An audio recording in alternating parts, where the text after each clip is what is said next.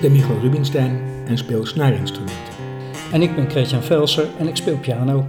Wij spelen in Elsje en de Bluesmannen, actrice Elsje de Wijn en zes muzikanten. We zijn bezig een voorstelling te maken over de vroege geschiedenis van de blues. Muziek van en verhalen over blueszangers, zangeressen en muzikanten uit de eerste helft van de vorige eeuw. Door corona moesten we het werken aan de voorstelling tijdelijk onderbreken. In deze serie podcasts vertellen we achtergrondverhalen bij onze voorstelling en laten ter illustratie muziek horen en korte tekstfragmenten uit de voorstelling.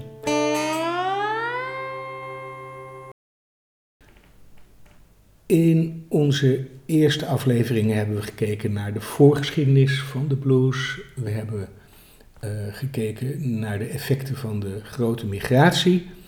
We hebben het gehad over verhalen in de blues. En nu ligt er klaar de vraag: hoe komt de blues naar Europa toe? Toen ik jou, uh, jouw draaiboek uh, las, mm -hmm. uh, wij maken altijd uitgebreide draaiboeken en mm -hmm. dan kunnen we er ook weer van afwijken. Toen, toen las ik wat je had opgezocht over hoe de blues naar Europa komt. Een groot deel van die geschiedenis speelt zich af na de Tweede Wereldoorlog. Mm -hmm. En ik vroeg mij meteen af, maar hoe zit het dan met jazz? Want jazz komt al voor de Tweede Wereldoorlog naar Europa. De jaren twintig worden tenslotte altijd de Jazz Age genoemd. Dus de vraag is dan eigenlijk waarom kwam de jazz toen wel naar Europa en de blues niet of nog niet? En voor we gaan praten over de periode na de Tweede Wereldoorlog, wil ik daar een klein stukje over vertellen, wat ik heb gevonden. En dat begint dan in de Eerste Wereldoorlog bij het Amerikaanse leger. Ik vond een, bandleider, James Reese Europe, een, een Afro-Amerikaanse bandleider. En die trok rond met een militaire band. En die heette de Harlem Hellfighters.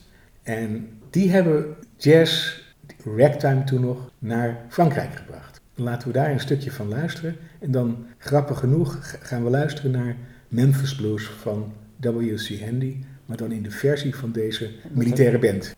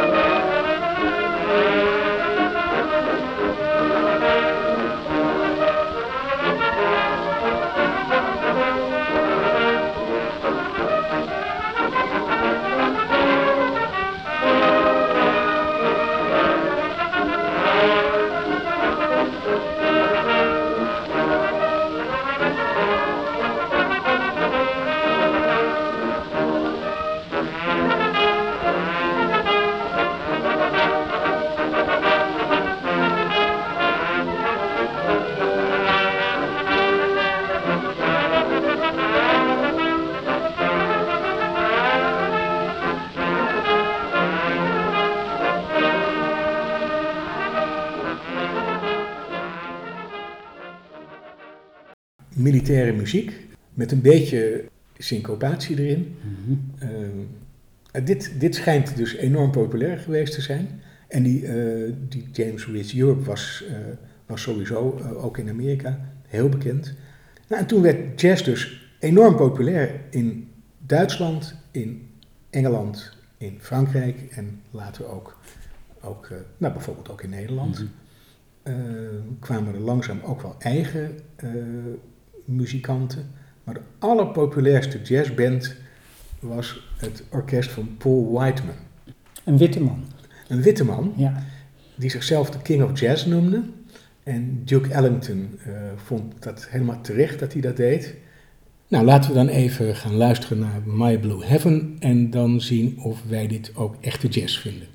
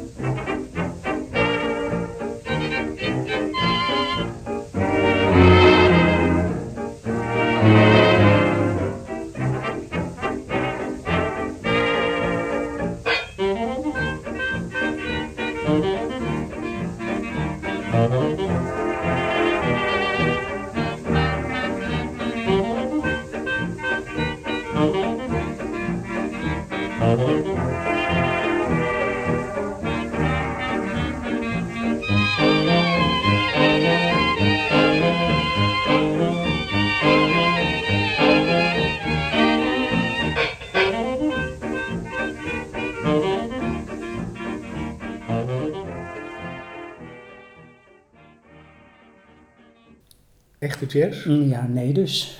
Ja, in, mijn, in mijn oren niet, maar het zal wel, Ja. het zal wel wel. Ja, Eh, dansmuziek. dansmuziek. Ja. eh, Ja, wat opvallend is als je op YouTube filmpjes opzoekt over die oude jazz, soms stuit je dan op de oude 78 tourplaat en dan zie je eigenlijk altijd op het label staan wat voor dans het is. mhm. Dus dan staat er bijvoorbeeld Foxtrot bij, eh, of Charleston. En dat, en dat waren, de- het dansen was enorm populair. Ja, en daar, en, en dan is het ook verklaarbaar waarom de blues niet zo populair was, want Ja. daar valt niet zoveel op te dansen. Precies. Ja. Het was, jazz was gewoon was de populaire dansmuziek eh, uit die jaren. En er is ook nog wel, denk ik, een, een, een theorie dat er eh, na de schok van zo'n oorlog behoefte is aan. eh, Een vertier en, Ja, en vertier. vrijheid. En, Ja. ja. en eigenlijk zijn de jaren twintig ook een begin van jeugdcultuur. Want de eh, jongeren zetten zich af tegen de vorige generatie. Er is een onbegrijpelijke oorlog geweest. Mhm. eh, die veel te maken had met, nou ja, de eigenlijk 19e, 18e eeuwse manier van omgaan met, met rijken, met keizerrijken. En, Ja. eh, en er waren heel veel soldaten gesneuveld. Ja. En ze, ze wilden iets anders, iets nieuws. En Ja. er was film, er was muziek. In de beeldende kunst kwam er een revolutie. Nou, dat past, daar paste de jazz bij. Dus de jazz is wel ja, alom tegenwoordig eigenlijk Ja. in die tijd. Maar de Ja. blues dus En de blues minder. dus niet. Nee. En dan komt de Tweede Wereldoorlog. En die brengt Amerikaanse soldaten naar, eh, vooral naar Engeland toe Ja. en naar Europa natuurlijk. Maar er Ja. werden toen Amerika mee ging doen aan de oorlog na Pearl Harbor, werden er 100.000 Amerikaanse soldaten permanent in Engeland gestationeerd. Op 250 verschillende militaire bases, dus overal over het land. En nog eens een paar miljoen soldaten gebruikten Engeland als doorgangsstation eh, naar Europa. En dan moet je je even voorstellen dat in Engeland op dat moment maar 20.000 zwarte mensen woonden. Dus het was voor, voor beide kanten was het een, een, een cultuurschok. Het leger, het Amerikaanse leger, bestond voor een belangrijk deel uit zwarte soldaten. En was dat ook een gesegregeerd leger. Dus er waren zwarte bataljons en witte bataljons. Maar in ieder geval, de, de, de, die Amerikaanse soldaten, die zwarte Amerikaanse soldaten, die voelden zich enorm welkom in Engeland. Want tot daar bestond geen segregatie. Dus ze konden zich vrij bewegen, ze konden naar pubs gaan, ze konden met witte vrouwen dansen. En dat leidde natuurlijk ook tot, tot span, spanningen. Engelse mannen vonden die Amerikanen maar loud en overpaid en oversext. 70.000 Engelse vrouwen trouwden met een eh, Amerikaanse militair. Daar kwamen 9000 warbabies van. Maar voor de Engelsen betekende het ook een kennismaking met een, met een nieuwe cultuur. Ja. De kauwgomkauwende soldaten die heel veel geld hadden en uitgaven. Met, eh, met voor hun vreemde dans en muziek. eh, jukebox, de, de jitterbug, een Afro-Amerikaanse dans. En met, eh, met jazz en blues. Ja. Dus die Amerikaanse soldaten brachten Bessie Smith mee, en Ma Rainey, en Fats Waller, Ja. en Cap Calloway. Ja, dus een deel was daar wa- waarschijnlijk al, omdat jazz al populair was. Ja. Eh, maar een deel ook, zal ook nieuw geweest zijn. Nou, misschien leuk om even naar Cap Calloway eh, nummer te draaien. En het nummer het heet dan ook heel toepasselijk Jitterbug. Eh, we gaan even dansen.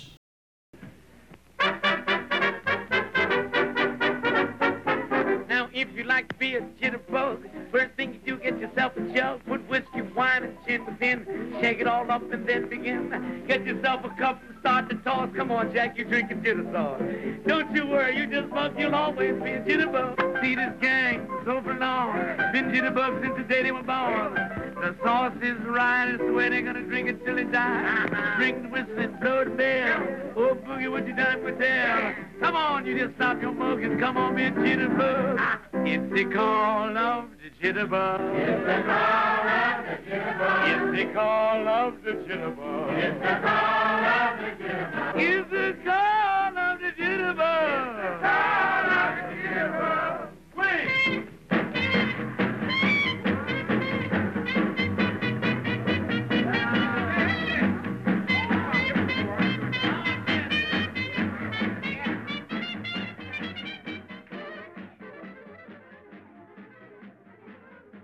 In de vijftiger jaren komt er nog veel meer eh, zwarte muziek richting Europa. En dat heeft er alles mee te maken dat, eh, dat er behoefte is aan dansmuziek, aan vrolijke muziek. Uit de blues ontwikkelen zich eh, eigenlijk twee vormen van dansbare muziek. Dat is de rhythm and blues voor het zwarte publiek en dat is de rock and roll voor het witte publiek. Tenminste, dat is de hoofdscheiding. Maar daartussenin zijn er ook een aantal zwarte muzikanten die beide, voor beide markten eigenlijk. eh, Want wat is precies het verschil tussen rhythm and blues en rock and roll? ehm, Om maar een moeilijke vraag te stellen. Ja, ja, ja. Uh, rock'n'roll is ehm, heel strak, strak ritme. Ja. Met eh, drums op de tweede en de vierde tel. Mhm. Eh, korte liedjes. Gericht op een jong publiek, Ja, zou ik zeggen. ja, Ja. ja. En rhythm and blues is eigenlijk een dansbare versie van de blues. Met eh, de bluesbezetting uitgebreid met blazers vaak. eh, en met een ritmesectie. Ja, precies. De, de bezetting van is ook wel eh, vaak ietsje anders. Hè? De rhythm and blues gaat naar wat kleinere bands toe. Niet meer de grote dansorkesten, maar kleiner. Louis Jordan is misschien het beste voorbeeld. Louis Jordan en Timpani 5. Ja, Met dus een paar blazers en een duidelijk hoorbare elektrische jazzgitaar. En als je en daar- dan nog een stap verder krijg je mensen als Fats Domino, Little Ja. Richard. Ja, En, en de allerbekendste Chuck Berry. ja, Ehm, tenminste, Chuck Berry is, is in, in Engeland en Europa wel een van de grootste geweest. ja, zeker in Engeland. Ja. Ja. Die, dat, dat speelt zo midden vijftiger jaren. Chuck Berry heeft een, een, zijn eerste grote hit daar is eh, nummer Maybelline. ja. Waarvan eh, gezegd wordt dat het afkomstig is van een oud swingnummer. Ja. al uit de dertiger jaren. We hebben ernaar geluisterd. We hebben daarnaar geluisterd, maar het is, ja, het, is, het, het is toch de vraag of dat zo is. Maar Mhm. Ja. Chuck Berry is wel een bijzondere figuur. Laten we nog wat vertellen over Chuck Berry, voor wie het niet weet. Geboren in St. Louis, Mhm. traditionele plek, hè, de eerste, eerste plek van, eigenlijk vanuit, vanuit de zuidelijke staten waar mensen heen eh, migreerden. Jong naar Chicago gegaan, echt als bluesgitarist, heel erg in de T-Bone Walker-stijl. Ehm, en toen is hij door de jazzstudio's eh, ontdekt en toen is hij echt eh ja, rock and roll gaan, gaan schrijven met enorm leuke teksten. Mhm. En, en verder was het niet zo'n hele leuke man.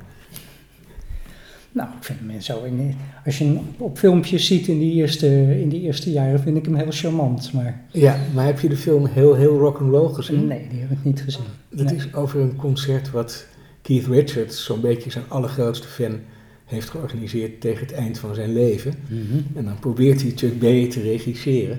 En dat is echt onmogelijk. Eh, die laat zich niet regisseren, maar niet op een prettige manier. Die Hm. is, eh, die is eh, ja, je krijgt echt te doen met, met Keith Richards. Ik heb hem ook nog gezien in Paradiso. Chuck Berry, Ja, ik in het concertgebouw. oké. Vertel, hoe lang duurde het bij Een jou? half uur. Ja, bij mij ook. Misschien, Ja. misschien heb ik hem dan ook in het concertgebouw gezien. Maar Ja, en toen kwam de mededeling na veel ge, eh, geroep om een toegift van eh, Chuck Berry has left the building. ja, nee, dat moet hetzelfde concert Ja. geweest zijn. Ja, Ja, met een gehuurd bandje. dat was meestal zo met, met dat soort zangers Ja. die in Nederland kwamen. Ja. Ja. Hoeft niet slecht te zijn, want in de, de, de versie van Maybelline die we zo gaan luisteren staat ook een, een wit bandje achter hem. Ik heb aan dat concert niet hele goede herinneringen. Ik, voel, ik voelde me echt bekocht. Absoluut. Het, eh, ja. Maar goed, in die tijd een grote invloed Ja. op, op gitaristen. Keith Richards nou, is, is natuurlijk heel erg duidelijk. Hij is instrumenteel geweest voor het bij elkaar komen van de Rolling Stones. Beroemde anekdote dat Keith Richards met een plaat van Chuck Berry onder zijn arm op een sta- stationnetje stond. En dat Mick Jagger daarom op hem afstapte en kennis met hem maakte. Ja. Ja. Dat moet een, een soulgenoot zijn. Nou, eh, we gaan luisteren naar eh, Maybelline uit 1958. Maar dit is echt een filmpje van YouTube, wat ik iedereen zou aanraden om naar te kijken. Eh, de, er is ten eerste een hele vermakelijke introductie door een, door een meneer die dan heel hard wegrent. Dat is al heel grappig. En daarna gaat Chuck Berry zichzelf ja, bijna in een soort... Hij gaat bijna een soort Engels praten. Niet Amerikaans Engels, maar meer echt Brits Engels praten. En heel keurig Zichzelf introduceren. introduceren. Ja. Ja, Ja. Maar, en, maar ook wel als een soort marketingman. Zo van, Ja. Ik heb hier even een hit gescoord en die ga ik nu voor jullie spelen. Hij was echt heel populair. Ik, ik, ik ging weer graven in mijn boekenkast, of in mijn platenkast. En ik vond eh, deze plaat, die heet St. Louis to Liverpool. En die is echt gemaakt naar het Engelse publiek toe, om te laten zien dat er een verbinding is tussen waar Chuck Berry begon en waar de Beatles eh, begonnen in Liverpool. Dat daar een rechte lijn loopt, als het ware. Er staat een mooie anekdote nog op de, op de hoes. Dat de New Musical Express in, in Engeland, blad over popmuziek, Chuck Berry vroeg om zijn tien favoriete platen te noemen. En dat hij toen tien platen van zichzelf opkwam. Ja, bescheiden was, bescheiden was hij niet. Nee. Nee. Nou, we gaan luisteren. Maybelline.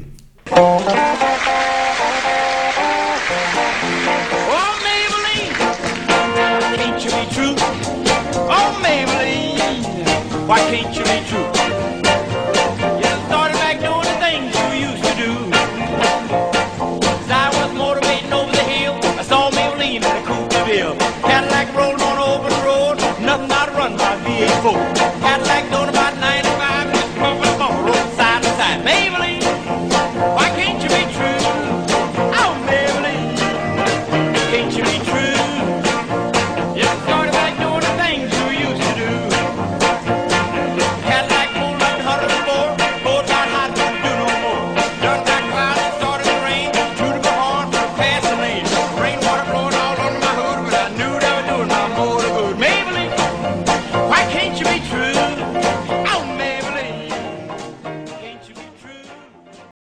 Dat was eh, Chuck Berry. Ja.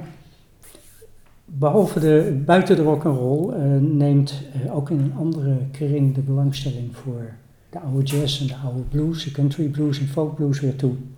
En zie je dat eh Led Belly plotseling in 1949 als eerste van zijn generatie bluesmuzikanten op tournee gaat door Frankrijk. Dat is in 1949, mijn geboortejaar. Eh, dat lijkt heel erg goed te gaan, maar hij wordt ziek. Hij krijgt verlammingsverschijnselen, hij gaat terug en, eh, en overlijdt daar. Dus dat is helaas ook het einde van zijn leven. Maar twee jaar later eh, is Big Bill Broonzy op tournee. Die heeft twee jaar stilgestaan. Hij is ziek geweest. En die wordt herontdekt door Stad Sturkel. Stad Sturkel is een, ja, een, een, een geschiedkundige? Een, een, een schrijver, Eh, journalist. journalist, iemand die vooral zijn boeken schrijft op basis van orale geschiedenis. Ja. Heel veel interviews houdt voor zijn, voor zijn boeken. Ja. En die heeft een, eh, die heeft een show rond, eh, rond oude muziek en daar laat hij Big Bill Broonzy in optreden. Ja. En die verdient daar geld mee en daarmee kan hij op tournee door, door Europa. En daar treedt hij in 1951 voor het eerst op. En dat is voor hem echt het begin van een tweede jeugd, want hij, hij wordt daar razend populair. Een beetje een soort eh, knuffelmuzikant. Hij past zijn repertoire ook weer aan, want hij was eigenlijk in de, de jaren 50 al veel meer de elektrische blueskant opgegaan. Maar hier in Europa willen ze veel meer zijn, zijn akoestische liedjes horen.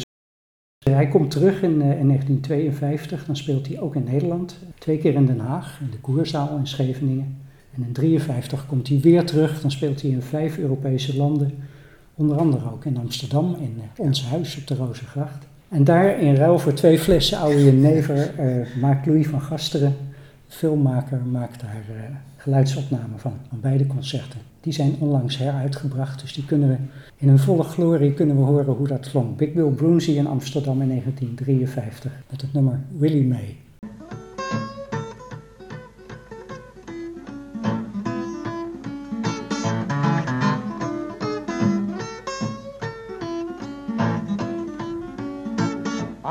Gal named Willie Mae, and she lives in the low, land. I got a gal named Willie Mae, and she lives in the low, low land. Love, without that woman, Lord, I just don't understand.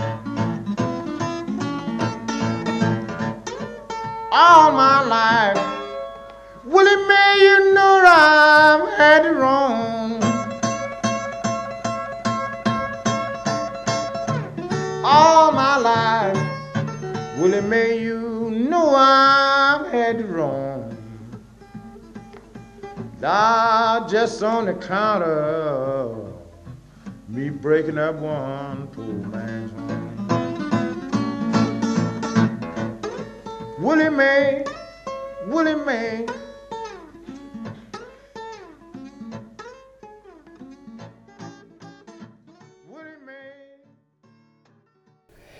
Ja, Big Bill Brunsey, hij, hij ontmoet hier ook eh, een vrouw, een vriendin, eh, daar- waar hij een kind mee krijgt. Maar ja, hij is ook getrouwd en hij is zelfs al grootvader. Dus in 1957, als hij ziek wordt, gaat hij terug naar Amerika en daar overlijdt hij een jaar later. Een, andere belangrijke impuls in de 50er jaren eh, wordt gegeven door Chris Barber. Mhm. Chris Barber is een, eh, is een trombonist die al op hele jonge leeftijd een, eh, een jazzband heeft. Hij is eh, 19, Ja. zie je in 1949 al met een populaire eh, traditionele jazzband eh, speelt. En in die jazzband eh, spelen ehm, een paar mensen die allemaal op een bepaalde manier belangrijk zijn geweest in het, eh, in het promoten van de zwarte muziek. Mhm. Chris Barber zelf was, eh, was erg gecharmeerd van de oude jazz uit New Orleans. Ja, keek om zich heen, was niet, eh, was niet eenkennig, dus hij bleef niet alleen jazz spelen, maar hij ontdekte ook de blues daar eh, uit, eh, uit die streek.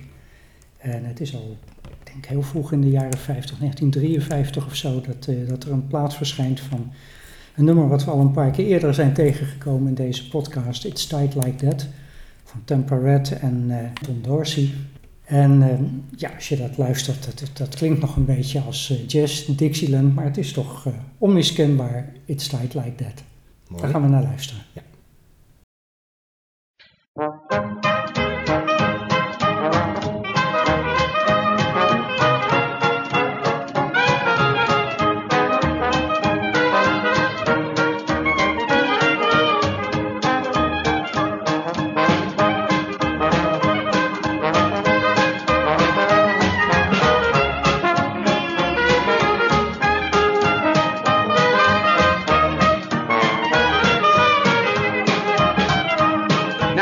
Here, folks, I'm gonna sing a little song. Don't take offense, cause I mean you no wrong. Oh, it's tight like that. It's tight like that. Can't you hear me talking to you? I mean it's tight like that. Well, I have a little dog. His name is Paul. Give him a little and he'll want it all. Oh, it's tight like that. It's tight like that. Can't you hear me talking to you? I mean it's tight like that. Well, Chris Barber blijft, eh, blijft niet stilstaan. In zijn band eh, spelen nog twee belangrijke mensen. Eh, dat zijn Lonnie Donegan en Alexis Corner. Laten we eerst even naar, naar Lonnie Donegan kijken. Die, die heette eigenlijk Tony Donegan. Mhm. Ehm, maar in 1952 eh, begeleidt Chris Barber zijn band begeleidt een tournee van Lonnie Johnson door Engeland. En daar is eh, Tony Donegan zo van onder de indruk dat hij zijn naam verandert in eh, Lonnie Donegan. En ehm, de, de muziek die, eh, die ze eh, ontdekken is, eh is skiffelmuziek. Wat is kiffelmuziek? Wat is skiffelmuziek? Ja, dat is een, een mix van Dixieland, blues, jazz. Eh, het is niet echt een hele aparte muziekstijl, eh, maar het is een, een, een, een woord of een, een, een naam voor muziek die, die populair is in de jaren 20, 30 in Amerika. En die naam die duikt dus ineens weer op in Engeland in de 50er jaren. Ja. Kunnen we een voorbeeld laten horen van eh, die skiffle sound in Amerika? Ja. Vroege skiffle sound. Ja, ja dan komen we bij de, bij de zwarte stringbands uit. Mhm. En een eh, bekende stringband uit die tijd is Cannons, Jugs, Stompers. En daar luisteren we naar het nummer Minglewood Blues. Thank you.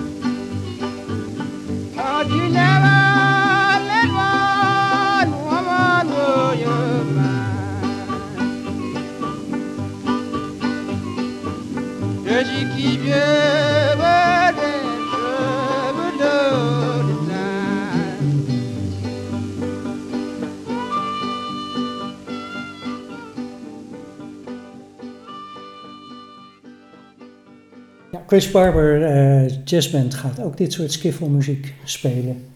En hij geeft eh, Lonnie Donegan de gelegenheid om daar eh, de ster in te zijn. Ze nemen een oud nummer op, dat ja, een traditional, bekend geworden door, door Led Belly. Mhm. Het is een van de, van de bekende treinen-songs, de Rock Island Line. Ja, Lonnie Donegan nog even vertellen, het is een schot, dat kun je ook wel, eh, kun je ook wel horen. Hij probeert zichzelf een Amerikaans accent aan te meten op deze Mhm. plaats, maar Ja. het blijft heel erg eh, schots klinken. Het is een heel merkwaardig nummer met een eindeloos intro, met de trein die komt maar langzaam op gang. Maar als hij eenmaal rijdt, dan rijdt hij ook, want het wordt een, een, echt een giga-hit. So the train goes through the toll gate, and as it goes through, he got up a little bit of steam and a, a little bit of speed.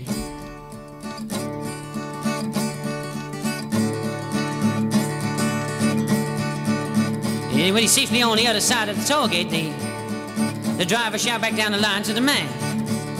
Of course, you don't get what he say now, going home and going down the Rock Island line. She said, but I fooled you, I fooled you, I got pig iron, I got pig iron, I got all pig iron. He said, tell you I'm going, boy. Going down the Rock Island line, yes, yes, she's a mighty good road. Oh, well, the Rock Island line, she's a mighty good road. The Rock Island line is the road to ride it. The Rock Island line is a mighty good road. And if you want to ride, you got to ride it like a fine to get your ticket at the station on the Rock Island line. Well, I may be right, I may be wrong. I know you're gonna miss me when I'm gone. Hey, als we, we hebben ze nou alle twee gehoord. Ja. Eh, lijkt eigenlijk best behoorlijk op elkaar. Zelfde soort eh tweekwartsmaat. En, eh, dit is waanzinnig populair geweest in Engeland. Hè? Ja, er ontstonden allerlei skiffelbandjes in het, eh, in het kielzog van, van Chris Barber. En één, één daarvan waren de Quarrymen. En de Quarrymen waren de oer-Beatles. Ja. Beatles begonnen als skiffelgroep.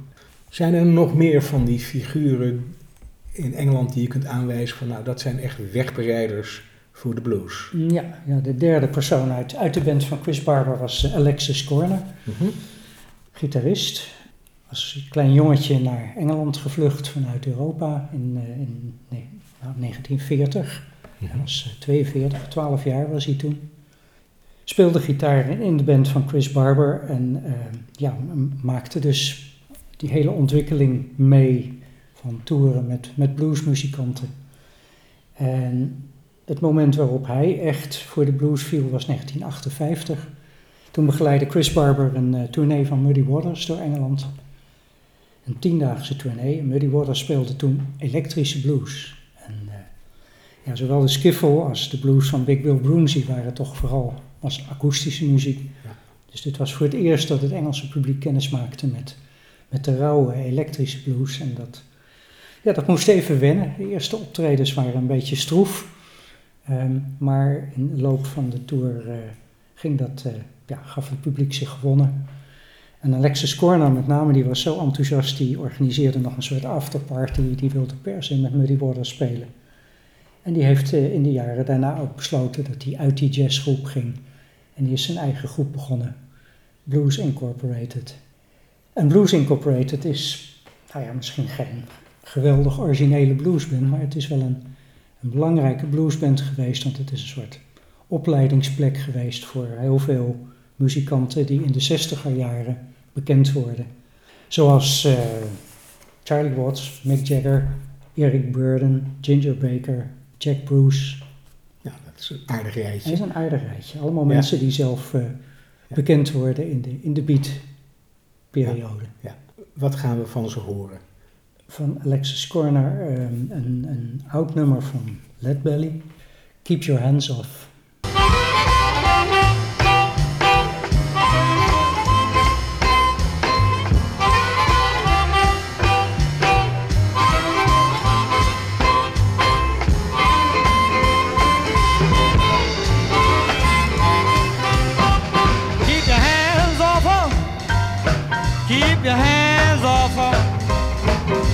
Your hands off her.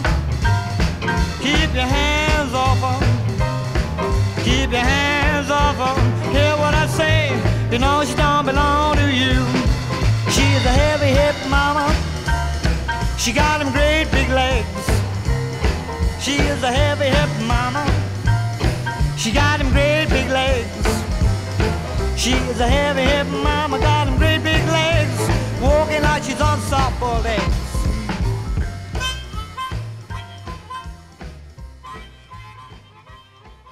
Nou, nu zitten we dus ergens in de jaren 60. Speelde jij toen al piano? Ja, ik speel piano, ik speel piano in die tijd, maar W- wanneer ben je dan begonnen met piano vijfde. spelen? Op je vijfde? ja, ja, mijn ouders waren allebei klassieke muzikanten, dus ja, dat was geen vraag of, maar vooral wanneer Ja. en, en, en hoe vaak. Namelijk iedere dag. Oh ja, Moest klassieke muziek. Klassiek. Voordat ik naar school ging, moest ik, eh, moest ik piano spelen. Ja. En, waar- en waarom piano? Want je, je, je moeder eh, speelde eh, viool Ja, en was ook lerares. ja, ja geen idee. Eh, Hebben zij die keuze gemaakt voor Ja. piano of heb jij die gemaakt? Nee, die hebben zij gemaakt. Ik Oh, kan mij daar geen bewuste keus van herinneren. En toen heb je les gehad Ik heb vanaf mijn vijfde les gehad. Ja. tot... Uiteindelijk tot mijn achttiende. Ja, vreselijk. Eh, ja, nee, ik vond het, toen ik tiener werd, vond ik dat heel erg. En, Ja. dus rond mijn dertiende, inderdaad, 1962, kreeg ik mijn eerste radiootje van mijn oma. En ging ik luisteren naar Radio Veronica, Radio Caroline. Ja. En ontdekte ik popmuziek. Want je hebt verteld in een, in een vorige aflevering hoe je bij Philip Kronenberg op de kamer voor het eerst bluesplaten zag. Ja. En je vertelde toen ook van ja, toen waren we net samen in een bandje gaan spelen. En dat mocht, we mochten bij hem thuis repeteren. En wat voor muziek speelden jullie in dat bandje? Wij speelden eh, vooral soulmuziek.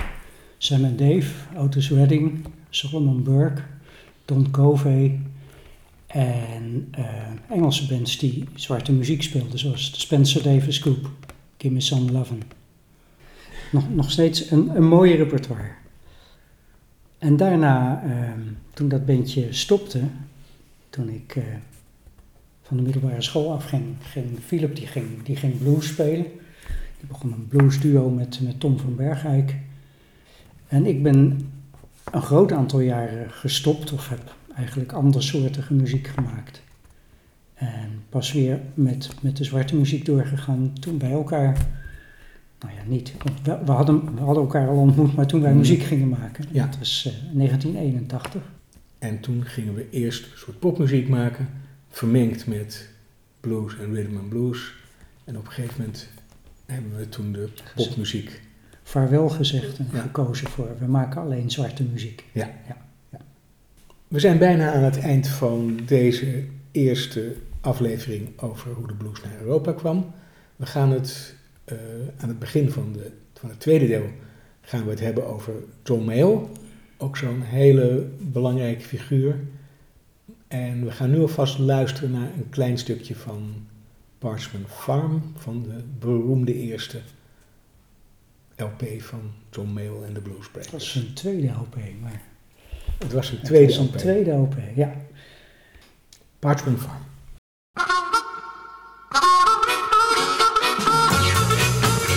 Well, I'm sitting over here on Parkin Farm. I'm sitting over here on Parkin Farm. Sitting over here on Parkin Farm. Ain't never done no man no harm. But I'm from that cotton in Lymphosac.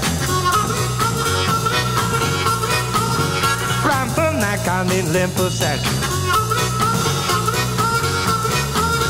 But I'm from that cotton in Lymphosac. A 12 gauge shotgun at my back.